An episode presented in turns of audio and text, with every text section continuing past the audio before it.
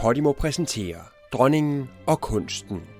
En podcastserie om hendes majestæts forhold til kunst.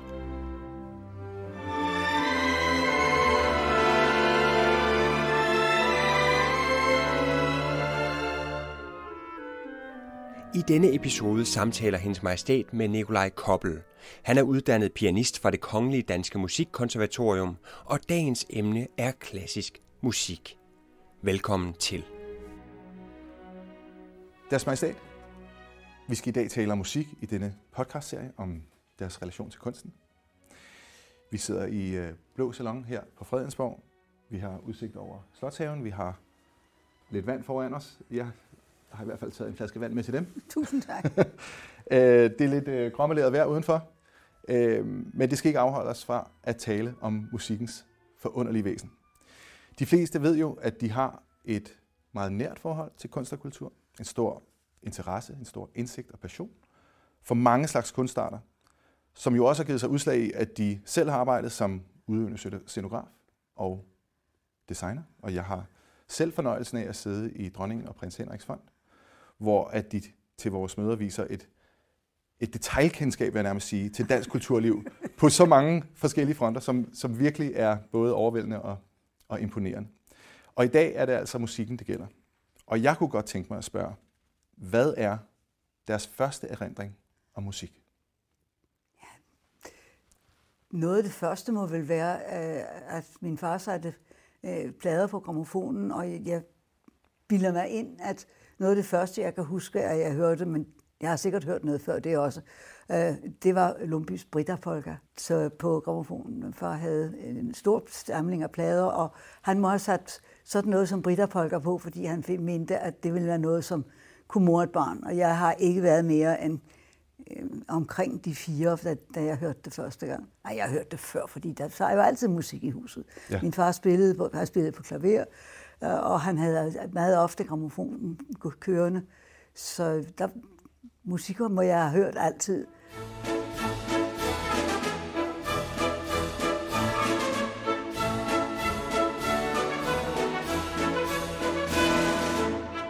Og netop deres far var jo hyppigt gæstedirigent hos DR Symfoniorkester, og øh, selvfølgelig ikke mindst også det kongelige kapel. Det var han. Øh, det var, han, han havde jo fået, han havde haft interessen for musik fra han var barn. Han, han blev sat til at spille klaver, det gjorde folk dengang altid. Han havde bare talent, eller i hvert fald en vis grad af det, og gjorde det gerne. Og på et temmelig tidligt tidspunkt blev han grebet at tage forestillingen om at kunne dirigere, at dirigere et orkester og hvad det ville sige. Og jeg tror ikke, han var mere end 16-17 år, da han dirigerede Livgardens Musikkorps ved mm. en eller anden lejlighed. Og på et senere tidspunkt, ikke så meget senere, kom han i forbindelse med, med øh, det Kongelige Teaters øh, dirigent øh, Georg Høgberg. Og, og der fik han så noget undervisning i direktion, ja. og kom til virkelig at gå dybt i musikken. Ja. Og sådan det var hans far forhold til musikken, og derfor var musikken del af livet derhjemme. Øh, der blev som sagt meget ofte spillet musik på gramofonen, og jeg husker, at far havde øh, sad og fulgte med i musikken meget tit, hvis det var noget, altså hvis det var et, et, et koncertværk af en eller anden art, også opera, øh, sad med partituret på, i skødet og en takstokken samtidig i hånden. Det var i hvert fald, hvis han skulle forberede sig til en, til en koncert. Så sad han med partituret til hedder det, gramofonen kørte, og så sad han og slog takten og gik af med, med sin højre hånd, og med venstre gav han de der tegn, hvor de forskellige orkestergrupper skal sættes ind, dæmpes, hæves. Øh, og jeg husker det så tydeligt, der sad han, øh, og det kan jeg huske fra, fra jeg var barn, og, og, og, og langt op i tiden også. Øh, og så nogle gange, så fik jeg lov til at komme ind og høre ham dirigere. Ikke til selve koncerterne, for de var i reglen om en formiddag, men han havde, og der gik jeg jo i skole, altså, øh, men, men øh, han havde nogle prøver med, med, både med kapellet og med, og, og med Radiosymfoniorkestret. Og det foregik samtidig i, en, om weekend, i weekenden. Det må i hvert fald have været den grund, jeg har været inde og opleve, at han dirigerede. Jeg kan huske det så tydeligt, at det var, det var meget spændende og meget interessant. Og man var lidt stolt af, at far kunne sådan noget. For så forstod de måske bedre, hvorfor han sad derhjemme i stuen og slog ud med armene i vejret. Jamen, det øh, hørte ligesom med. Det var, det, det var ikke de store bevægelser, når han sad i stolen, men jeg husker meget tydeligt, og, og det var, han, han så, lagde jo altid mærke til, hvordan dirigenten gebærdede sig til, både til, til koncerter og i det kongelige teater, hvor jeg oplevede det oftest. Øh, og han kunne sige om nogen, at ja, han har sådan nogle pæne bevægelser, eller andre, han, han ikke brød sig om dirigentens bevægelser. Og far selv havde store, brede armbevægelser, ret rolige, og, og øh, det var faktisk, faktisk smukt at se på. Ja, det, det er det jo også, når en dirigent er, er, er dygtig til, at man, man taler jo om netop bevægelsesmønstre og, og hvilken elasticitet og smidighed man ja. er til, at man har i kroppen i forhold til ja, det må betyde meget for musikerne, at, at orkestret bliver ledet af en, der, der har sand, altså, kan gøre noget med det. Og far havde en decideret kropsbevidsthed der med, ja. med, med den slags ting. Det er der ingen tvivl om.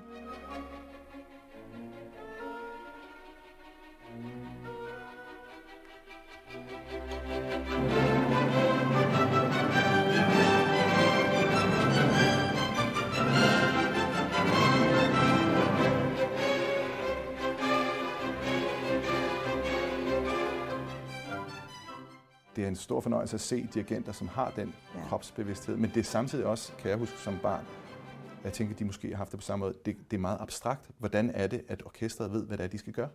Oh jo, og det ved man, altså det forstod man jo egentlig ikke ret meget af, andet end af, at det, det gjorde de så. Ja.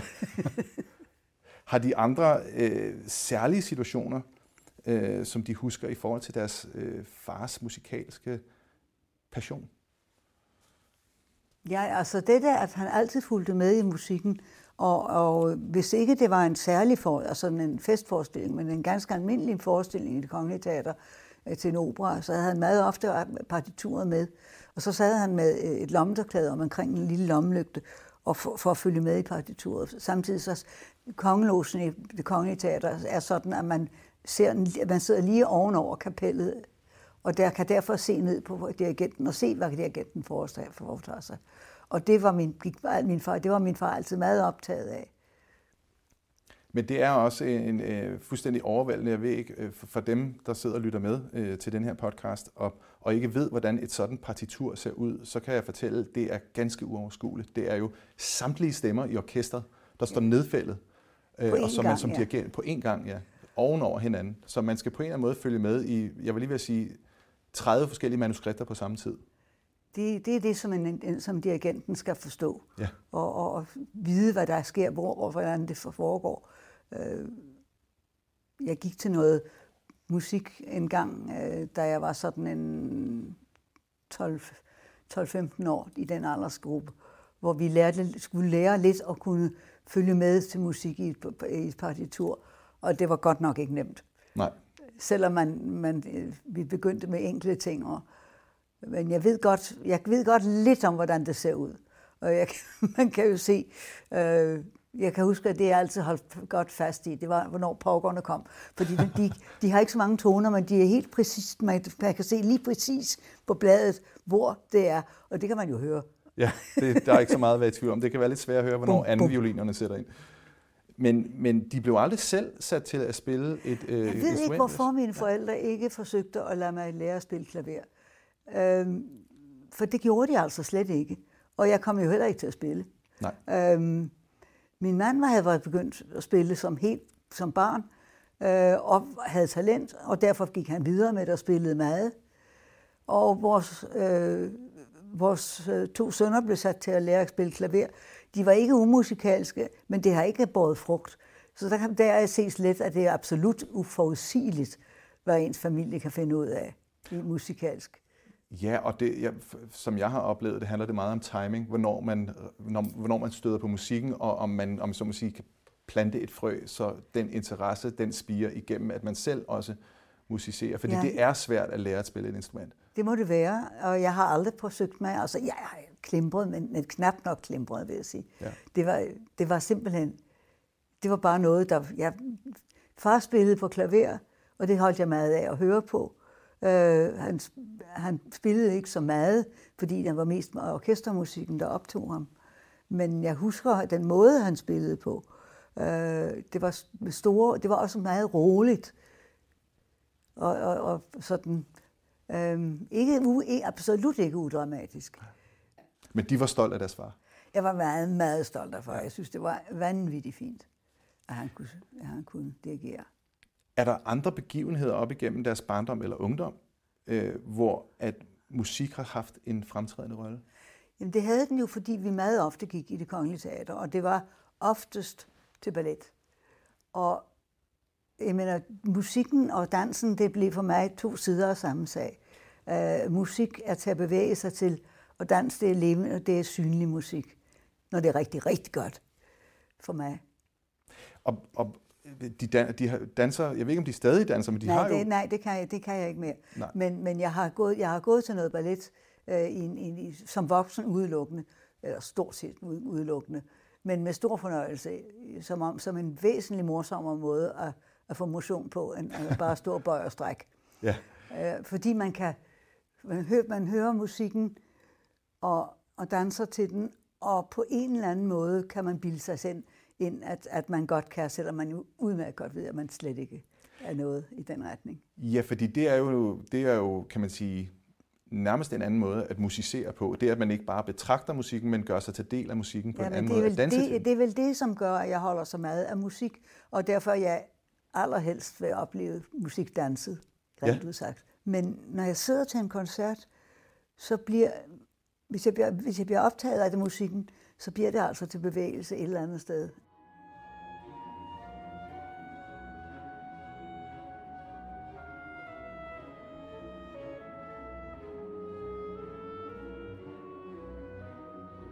Vi skal tale lidt nærmere om Nødeknækkeren, som de har designet scenografi og kostymer til i Tivoli. Premieren, det var tilbage i 2012. Ja. For de få lyttere, der muligvis måtte være derude, som ikke kender nødknækker, sige, at ja, den helt korte version af nødknækkeren, det er jo det juleaften. Ja, og, en, og der, der er et stor julefest hos en familie, og der er en lille datter, øh, og hun Øh, efter at alle gæsterne er gået, er hun faldet i søvn. Hun har fået en nødknækker, sådan en stor nødknækker som en figur. Øh, og den har hun fået i julegave, og den er hun så glad for. Så hun endelig må ned og finde den i stuen igen. Og Når alle hun, gæsterne er taget hjem. Ja, der alle er taget og hjem. Seng, ja. Og så falder hun i søvn, og så drømmer hun sig, drømmer hun, at musene kommer og vil forsøge at bortføre hendes nødeknækker og hun må redde sin nødeknækker fra de her slemme, slemme mus. Og øh, så bliver hun, det er forskelligt, fordi den, den er lavet, den, den, det er sådan en historie, man kan rode lidt med, og det gør man. Så det er lidt forskelligt, hvordan det hænger sammen. Men i hvert fald, hun bliver øh, i sin drøm, kommer hun til et form for slaraffenland. Øh, efter det, lidt trængsler. Efter lidt trængsler, efter en, en voldsom tur. Først slås kampen med disse, med disse slemme og morsomme mus. og, øh, og derefter en snestorm, som gør, at hun nærmest er, så det er at gå helt galt for hende. Men så bliver hun reddet, og det er forskelligt, hvordan hun bliver det, men i hvert fald, hun bliver reddet over i et slaraffenland, og der danses på livet løs, og det er altså meget yndigt og meget, det kan være forfærdeligt lysrødt. men i bedste fald er det jo meget eksotisk og, ja. og, og, og fascinerende og, og forskellige arter. Og forskellige, og det giver, fordi den, den anden halvdel af balletten øh, i, i Slaraffenland, hvad man nu er venlig at kalde det, øh, der er en hel masse øh, danse, som i forskellige øh, i scenen. Altså, øh, der er spansk dans, og der er en arabisk dans, og, og der russisk. er der er russisk dans mere eller mindre, og der er kineserne, og yes. der, er, der er et vældigt liv og glade, glade dage. Og øh, så, når det hele er slut, så vågner hun op hjemme i stuen øh, under det slukkede juletræ, men med nødknækkeren i favnen. Og det er, det er den korte version af, af, af nødknækkeren. Og det er altså uden, om så må sige, at referere til den version, som vi har i, Tivoli i øjeblikket, øh, hvor vi har lavet med ideen om, hvad er, når det nu foregår i Tivoli, hvad er drømmelandet for en lille pige i København i 1800-tallet, jamen det er jo Tivoli. Det er jo det. Og, og, derfor, derfor, så har, og derfor er anden halvdelen foregår i et drømmetivoli. ja, og man møder både H.C. Andersen øh, og andre. Øh. Ja, men altså, det starter jo i første, vores første del af øh, julefesten hjemme hos, hos Clara, hedder hun, og hendes familie. Øh, der er indbudt forskellige øh, kendte personer, og der er H.C. Andersen en mm-hmm. af mhm. gæsterne, og Bournonville, den, der, øh, den balletmesteren, er en, og på det tidspunkt den daværende øh, chef for, for Tivoli er der også. Så på den måde har man ligesom nogle, ja, nogle sammenhænge med det gamle København. Og tilbage, hvis man lige skruer tiden lang tid tilbage, til den oprindelige premiere i St. Petersborg i 1892, så så det jo ikke rigtigt ud til, at Nødknækkeren skulle blive den her fantastiske, verdensomspændende hit, som det er øh, i, i vores dage. Dengang der, der harcelerede kritikerne jo over, at historien, som var det her slags sammendrag af et Hoffmann-eventyr, at historien var kedelig. De mente også, at Tchaikovskis partitur, har jeg læst mig til, var uforholdsmæssigt, nu citerer jeg, uforholdsmæssigt overdødigt. Tænk sig, at det kunne være det. Og der i øvrigt var brugt for mange penge på iscenesættelsen. Det synes at være et luksusproblem. Men fred nu være med det. Og sådan er der i parentes bemærket så mange værker, som ikke bare i musikken, men som ikke bliver anerkendte i den periode, hvor, hvor de bliver... Ikke, ikke altid lige med det samme, nej. Nej. Øh, hvor man alting er, nu her mange årtier senere, så er nødklingerne jo alt lige blevet standardrepertoire ved juletid øh, i det meste af verden, i hvert fald der, hvor der er et balletkompani. Og jeg har læst mig til, at alene i USA, de store amerikanske balletkompanier, jamen, der genererer nødknækkeren 40 procent af, det, øh, af, af indtægten alene på, på det. ja, det er øh, kolossalt. Så man kan sige, der er en vis afhængighed af lige præcis ja. denne ene ballet. Og så, det er jo ikke så... så skal man dertil føje, at, at øh, før den blev sat op på det kongelige teater, og det var Flint, det var Flint. der satte den, der satte og, og den op. Øh... Og Vinbladet lavede scenografien. Og det var første gang, der nogensinde blev danset i sin helhed på den kongelige ballet. Okay. Og var det så også det var første helt, gang, Og det var min første gang, jeg oplevede ja. Jeg oplevede den som voksen. Ja. Og blev meget, meget begejstret. Ja. Og meget, meget fascineret. Jeg kendte jo en del af musikken, fordi man hørte den ret ofte på de der, der er sådan to suiter, som hedder Nødeknækkersviten 1 og 2. Ja. Og jeg, vil, jeg kan aldrig huske, hvad der kommer i hvilken en, men, men jeg kan da huske, at jeg har hørt noget af, musik, noget af musikken før. Og men hvilket den, indtryk gjorde musikken så? Jamen, jeg, jeg synes, den var, den var da meget yndig og sådan noget, men den sagde mig ingenting, Nej. fordi man vidste, det var en ballet, og jeg anede ikke, hvad den, hvad, hvad den hvad handlede om, Nej. for den, vi havde jo aldrig haft den her. Ja.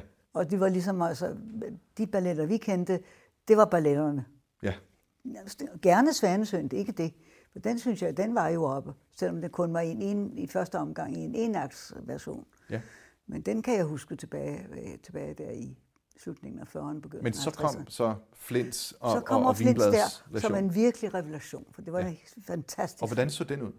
Ja, den var meget farverig og meget festlig, og egentlig på mange måder ganske enkel i sin måde, men det var, øh, den var sådan, det var, øh, Bjørn Wienblads øh, scenografi var faktisk meget enkel, øh, men, den var, men den var meget festlig, og kostymerne var Wienblads bud på sådan øh, dansk bittermad og guldalder. Mm-hmm. Men i glade og morsomme farver.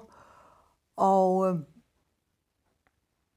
jamen, den, den var simpelthen, og så var hans, hans mus var helt vidunderligt morsomme og gode. Og de blev danset af børnene fra balletten, fra den kongelige ballet. Og den, det, var, det var virkelig morsomt. Jeg kunne godt tænke mig at spørge dem, øh, fordi jeg synes jo, at Tchaikovskis musik både med og uden billeder, var jeg lige ved at sige, er helt fantastisk. Ikke mindst på det melodiske er det jo fuldstændig uovertruffen, ja. og i øvrigt instrumenteringen er også fuldstændig ja. overdådig. Men har de et favoritsted? Det er svært at sige et favorit, øh, og den er jo desuden i den grad et, et antal numre. Det må man sige. Til forskel for for eksempel Strauss, som, hvor det, der, man kan godt eventuelt pege på et nummer, men i en helt stor, så er det egentlig en lang bølgelinje igennem hele foretagendet. Enten det er stort og dramatisk, eller det er mindre mere på den humoristiske side. Øh, øh Nødeknækkeren er, er, er et, en, og kan meget nemt blive til en række numre. Men det kan også godt køres, køres på det. Man kan også få det kørt sammen, så det ligner en, en, en sammenhæng. Ja.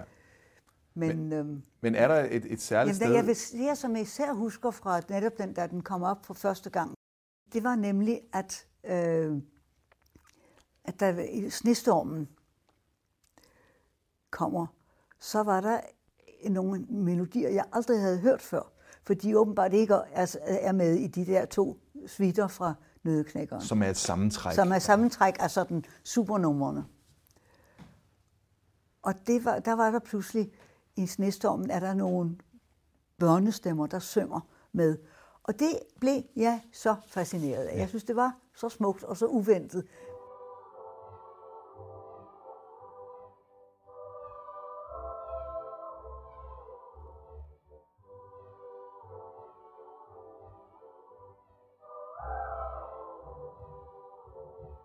Og det er jo også uventet, fordi, øh, og, og det er parentes bemærket, det er også et praktisk problem for rigtig mange billetkompanier, fordi det er, øh, partituret foreskriver, at der skal være 24 stemmer, øh, 12 øh, sopraner, 12 alter, øh, og det må meget gerne være et drengekor. Hvis ikke man har et drengekor, så er det fint nok, at, at det bliver et voksenkor. Men de er jo kun med i de her, øh, jeg tror, de sammenlagt har en 6-8 strofer, øh, og det er jo som jeg siger, det er jo lidt et praktisk problem. Det er lidt meget at kalde 24 personer ind øh, øh, 20 aftener i december. Men ikke desto mindre, jeg er fuldstændig enig i, at det er... Øh, er Det, gav, det gjorde, altså, det gjorde et kæmpe indtryk på mig, selvom jeg absolut var voksen på det tidspunkt. Ja. Fordi det var en, en, et klangbillede, jeg slet ikke kendte. Og jeg synes, for vi har faktisk øh, taget musikken med, jeg synes, vi lige skal prøve at lytte til lad lige præcis det den her sats. Di, da, di, da, di.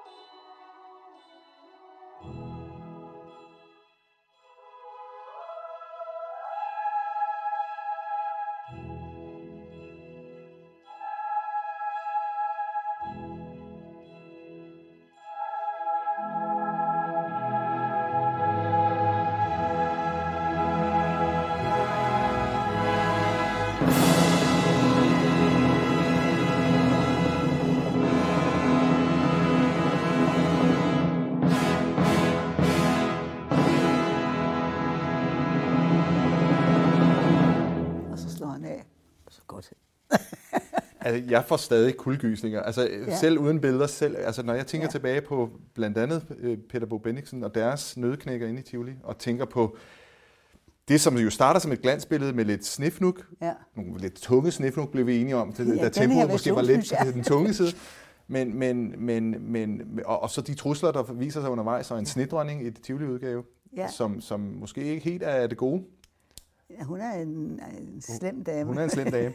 og så alligevel, at det overvindes alt det farlige, ja. og så gør vi klar til rejsen ind i Slaraffenland. Ja. Det er en fantastisk slutning Jamen, det på første akt.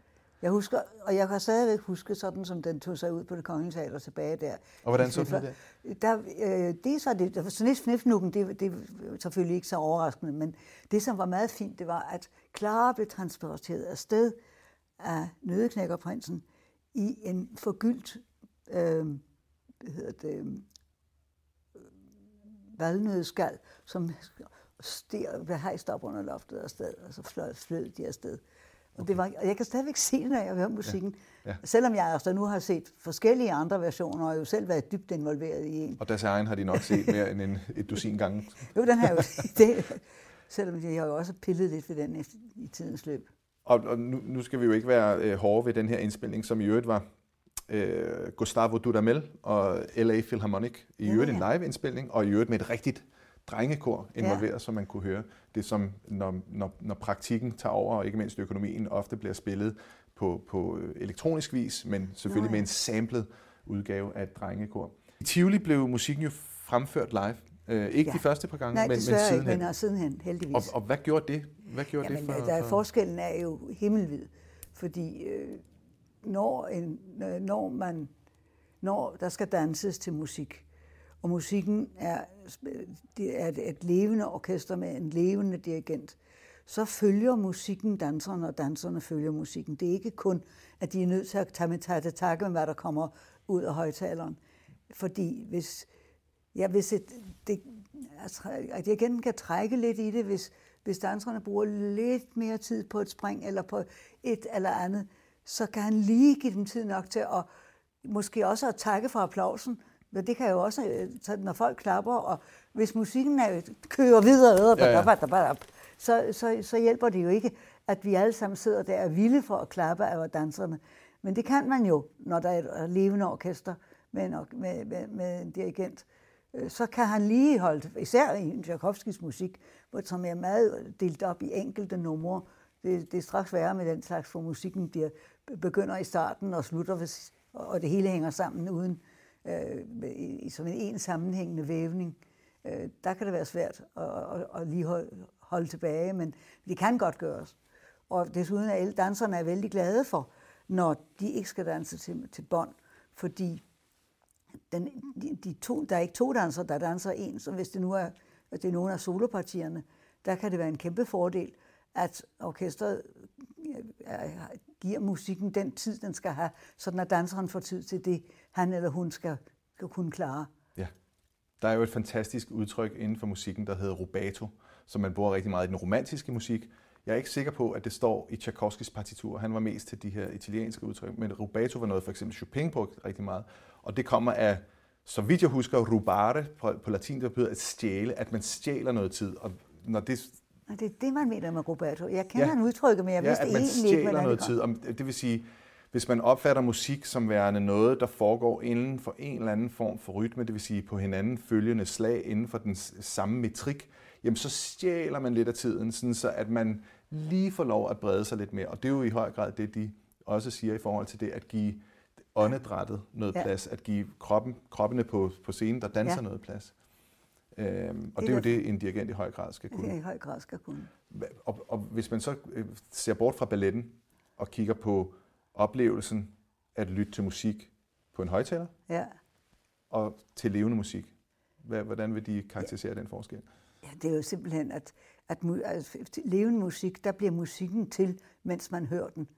Altså, øh, det er nu, det sker. Det er nuets kunst. Det er lige nu, det sker. Ja. Og, og det er måske endnu mere tydeligt, hvis, det, hvis der er sang. Fordi det kan være så forskelligt.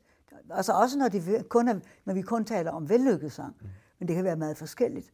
Og når det, oh, når det virkelig vil. Så er det jo en, så er det en sådan fryd at høre. Og, for, og det er derfor, at at gå til opera mere end en gang, altså høre en opera mere end en enkelt gang, er en, og det er en af de ting, jeg har mulighed for. Fordi vi har kongelosen, så kan jeg, hvis jeg bliver rigtig glad for en, eller anden, ligesom min far gjorde, så går jeg flere gange, og så sidder man og venter på, at nu kommer det der helt vidunderlige sted. Eller hvordan går de i aften, vil de gøre det sådan? Eller det er en sanger, Nå, han gør det sådan, eller når det gør hun. Og det er, det er glæden ved at kunne gå i teatret, frem for at opleve det bare som øh, på, på en plade eller på, øh, eller på, øh, på en optagelse. Og kan, kan man i virkeligheden sige, at musikken er, de var selv inde på det, at, at det var ligesom, det var nuet, der galt? Øh, ja. Frem for, og, og, og, man kan sige, man skal jo ikke sammenligne æbler og pærer, men, men, men øh, malerkunsten, det er jo noget, som er blivende, og man kan se på, og det vil se ens ud, alt efter selvfølgelig ens opfattelse, men det vil trods alt ligne sig selv både i dag, i morgen og dagen efter. Jeg tror, Hvor... det er, nej, den store kontrast det er til film. Ja. Fordi i film, der er det hver gang, det er nøjagtigt det samme. Ja. Øh, man kan godt gå ind og se en film mange gange, fordi filmen virkelig er god, eller tage den på fjernsynet, og, og fordi man virkelig gerne vil se det igen. Men det er bare det samme. Men hvis man ser en levende forestilling, så er det aldrig bare det samme. Det Nej. kan være lige så godt, eller endnu bedre, eller knap så godt, men det er levende, og det er nu, det sker. Og det er det, der er så vidunderligt ved teatret. Øh, både, øh, og der gælder det, det gælder i høj grad både ballet og sang og, og, og opera. Og skuespil. Vel? Og skuespil selvfølgelig også. Det kan også være så forskelligt. Men altså, der er nogle gange, hvor man synes, at i aften så hæver det sig, så man så man tænker, at det, det, det er virkelig, det her er det store øjeblikke. Og det, det synes jeg, jeg har haft mange, mange gode aftener i det kongelige teater, og andre teatre for den sags skyld.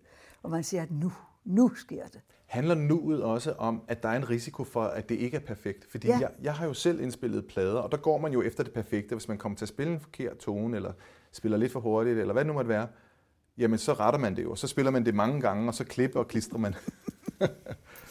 Øh, og, og i nuet er mulighederne for, at det er knap så perfekt. At det er mennesker kød og blod, og de kan have en god dag og en mindre god dag. Er det en del af det? Det tror jeg bestemt er, det tror jeg helt sikkert er rigtigt. Det, det, det er derfor, det er, det er derfor, det altid er med en vis spænding, at man, at man går til, til øh, levende musik, eller, eller, eller til ballet eller, eller opera. Og det er jo også derfor, det er så, kan man sige, mentalt, psykisk hårdt at være udøvende kunstner, fordi det må det virkelig være. Man kan ikke, altså både som danser, som skuespiller, som, som øh, det er musisk solist, ja. det er øjeblikket, der gælder, og du kan ikke leve på, at du kunne for en uge siden. Du skal også kunne i aften. Ja, og helst i overmorgen. Og helst også øhm, Vi har talt om det et par gange, at Nødknækkeren er et af de allerbedste eksempler på Tchaikovskis fuldstændig fænomenale evner som melodimager. Ja. Og øhm, jeg har taget lidt matematik med til den. Fordi, øh, og det er ikke fordi, at, at de skal lave blikregning nu, eller øh, løse andengradsligninger, men det er fordi, at jeg har øh, prøvet at finde ud af, hvor mange melodier der egentlig findes. Det er jo et relevant nok spørgsmål. Vi har, der er jo blevet komponeret musik i løbet af de sidste mange århundreder efterhånden. Og hvor mange melodier findes egentlig? Er de fleste melodier ikke ved at være taget? Der er jo trods alt kun 13 forskellige toner på et klaviatur. Altså fra C til det næste C, der er der 13 toner. Og øh, i, i den her kromatiske standardskala, hvordan kan man blive ved med at skrive nye melodier? Så er der nogle forskere, der har sat sig ned, nogle matematikere er det nok snarere, som har sat sig ned for at, at, at sige, okay, hvor mange melodier, hvor mange på hinanden følgende toner, som en melodi jo er, findes der? Og den matematiske svar på det er, at der kan jo være forskellige længder af melodi. Eksempelvis, hvis vi legede, at en melodi bare kunne være to toner, jamen så var der 25 forskellige muligheder. Hvis der var tre toner i melodi, så var der 469 muligheder. Men hvis vi går hele vejen op til, at der kunne være 10 toner, og det er der jo alt andet lige langt de fleste melodier. Bare tag dig det yndigt land. 1, 2, 3, 4, 5, 6, 7, 8, 9, 10, 11, 12, 13. Der er vi oppe på 13 toner. Ja, ja. Men bare hvis vi holder ved de 10 toner, så er vi oppe på, hold nu fast, 75 milliarder kombinationsmuligheder. 75 ja, milliarder. Der, så, så er der jo håb forude. Så er der håb forude. og, og ved I hvad, hvis, hvis man kombinerer de 75 milliarder med det, som vi ikke har gjort endnu, nemlig tonelængder. Altså tonen kan jo være lang, ja. og den kan være kort. Og hvis vi så bare antager for nemheds skyld, at der er 10 forskellige tonelængder, og der er, kan jeg hilse at sige, langt flere, så kommer vi op på, og nu skal I holde fast i sofaen, 82 milliarder milliarder, eller 82 trilliarder melodier, der er op til kun 10 toner lange. Så igen, man må bare konstatere, at det er jo som at kigge ud på en stjernehimmel, eller måske endda en sandstrand, og, og hver eneste sandkorn repræsenterer en melodi. Og der er håb forude, som de siger. Der er flere melodier Der, er virkelig, der må være god plads. Der er ikke, der er ikke nogen undskyldning for, for komponistblokering, hvis der, Der er er, noget, der, hedder der er i hvert fald heller ikke nogen undskyldning for at stjæle en melodi. Nej, og, og Hvis selvom man ikke er det indimellem bevidst om, at man stjæler den selvfølgelig. jo, men der, der er noget med, at der, man skal kun, man skal, hvis, hvis man skal stjæle, skal man stjæle, hvor der er noget, der er godt. Ja, ja, præcis. Og hvad var det, Picasso sagde? At, at øh, gode kunstnere, de lader sig inspirere, men de bedste kunstnere, de stjæler. det skal være, det kan nok. Det var ikke klar, at han havde sagt det.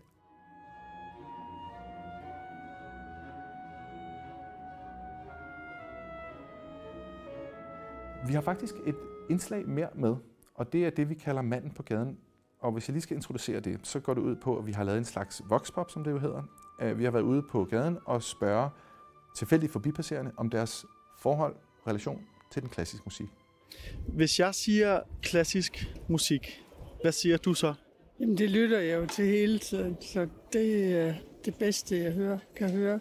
Jeg tænker for det meste sådan noget som Beethoven. Jeg siger ja tak. Mozart og Beethoven egentlig. Jeg tænker, det er noget lidt gammelt. Det er ikke noget, man sådan hører så tit, når man er ung. Det er sådan det, jeg tænker. Det holder jeg meget af. Så tænker jeg på klaver. Jeg har selv gået til klaver i fire år, så jeg har spillet lidt klassisk musik. Jeg tænker også på sådan opera og sådan noget for det meste. Sådan violiner og sådan flot orkester, der sådan kører ikke? Sådan en symfoni med hinanden. Det er sådan det, jeg tænker. Hvad er dit forhold til Tchaikovskis musik til balletten Nødeknækkeren? Jamen altså, det er jo så flot musik, storslået og imponerende. Det glæder mig hver gang, jeg lytter til det. Jeg aner ikke, hvem det er, desværre. Jeg har aldrig hørt om ham. Jamen, det er da noget, jeg har kunne lide de sidste 60-70 år. Altså, jeg har aldrig hørt det. Jeg aner ikke, hvad det er. Men jeg kunne godt forestille mig, at det var noget sådan med noget violin og sådan noget. Nu har jeg set den, og jeg synes, den er rigtig god. Øh, Jeg har faktisk set den en del gange. Øhm, Både i hiphop-versionen og i balletversionen. Og jeg synes, det er rigtig smuk musik. Hvad kræver det for at lytte til klassisk musik? Koncentration og vilje. Det kræver bare, at du sådan interesserer dig for det, og måske godt kan lide, hvordan det lydes. Men jeg vil ikke sige, at der er noget sådan specifikt krav. Det kræver ikke noget andet. Bare lukker ørerne op.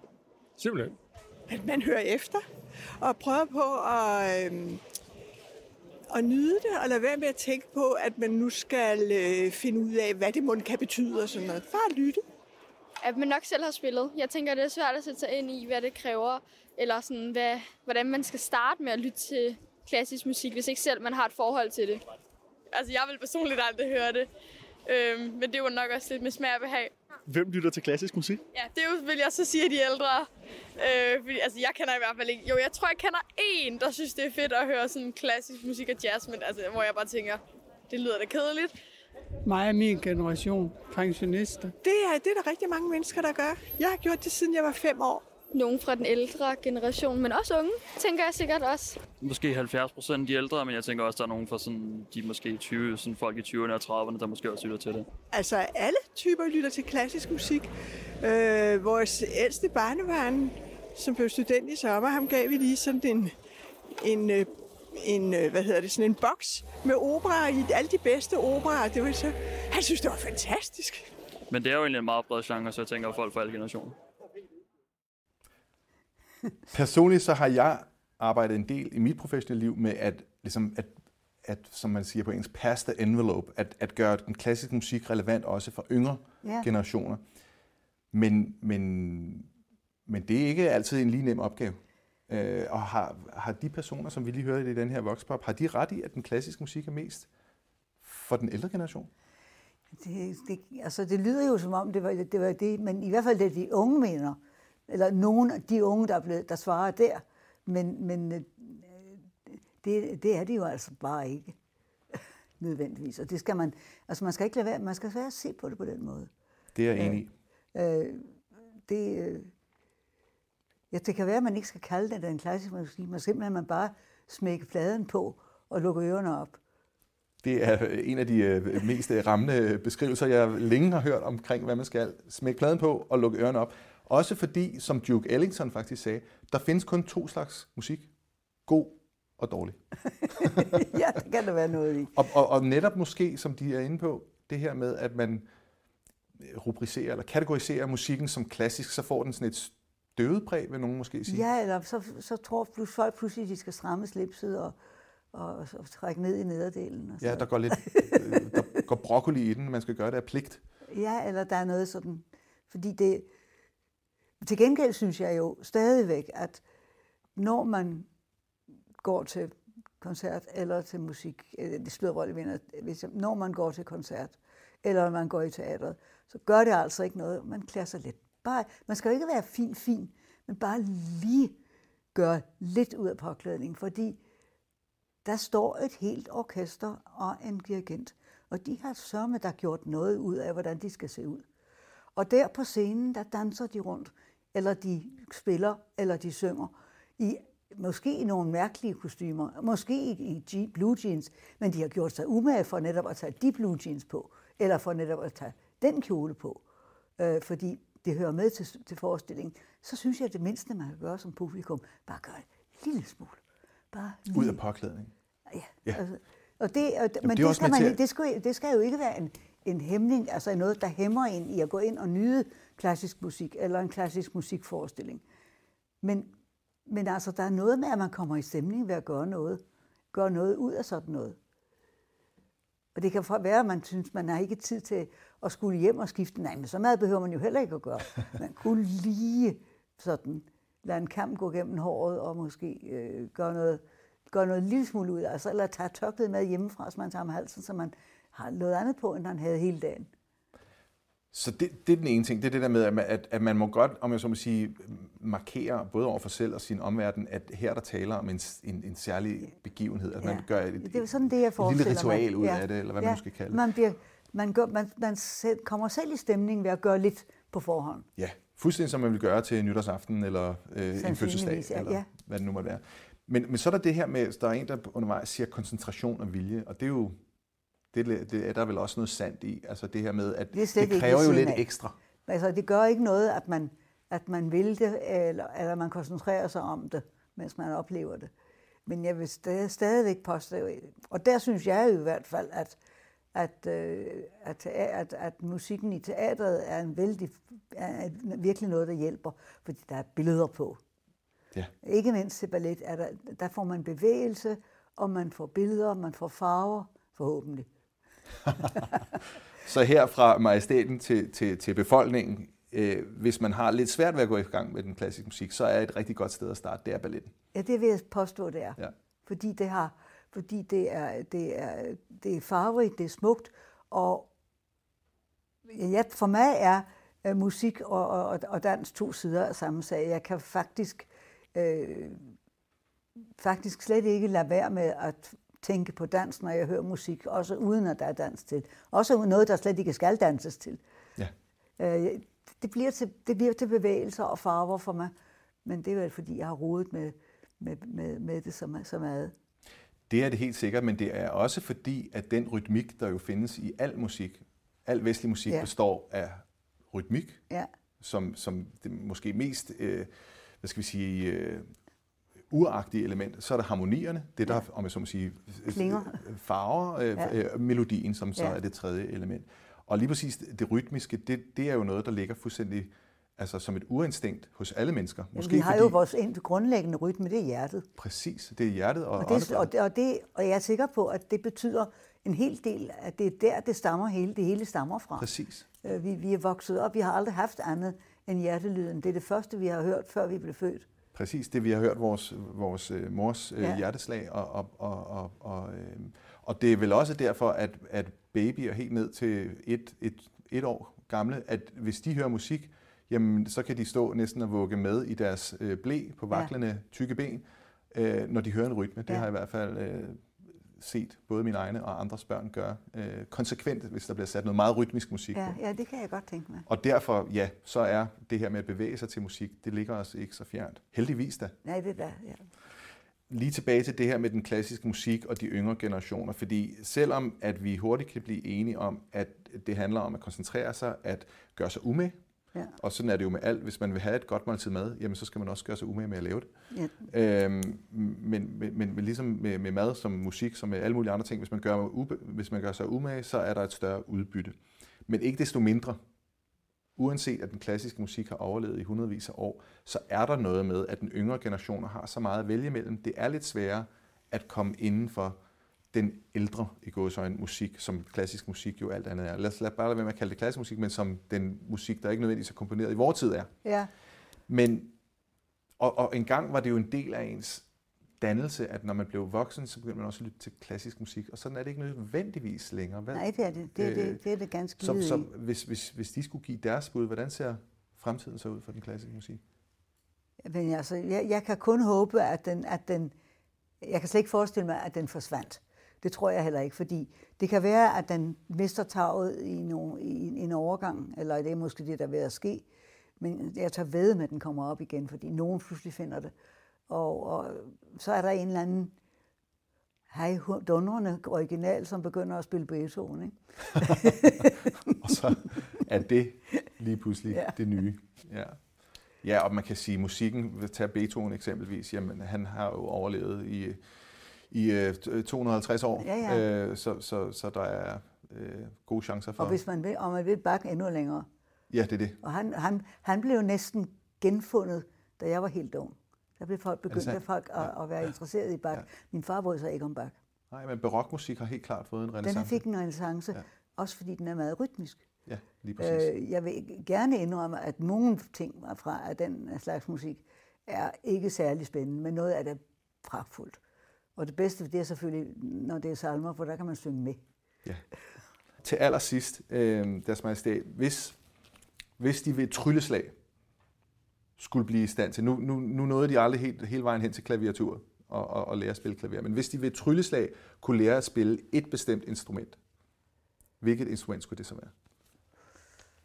Jamen, han er så, øh, det er alt sammen så, øh, så vanskeligt, at det, det, det eneste, man til en vis grad kan, kan klare, også uden at kunne ret meget, det er og slet ikke virtuost. Det er klaveret, for tonerne er der, hvis ellers man har fat i klaverstemmeren.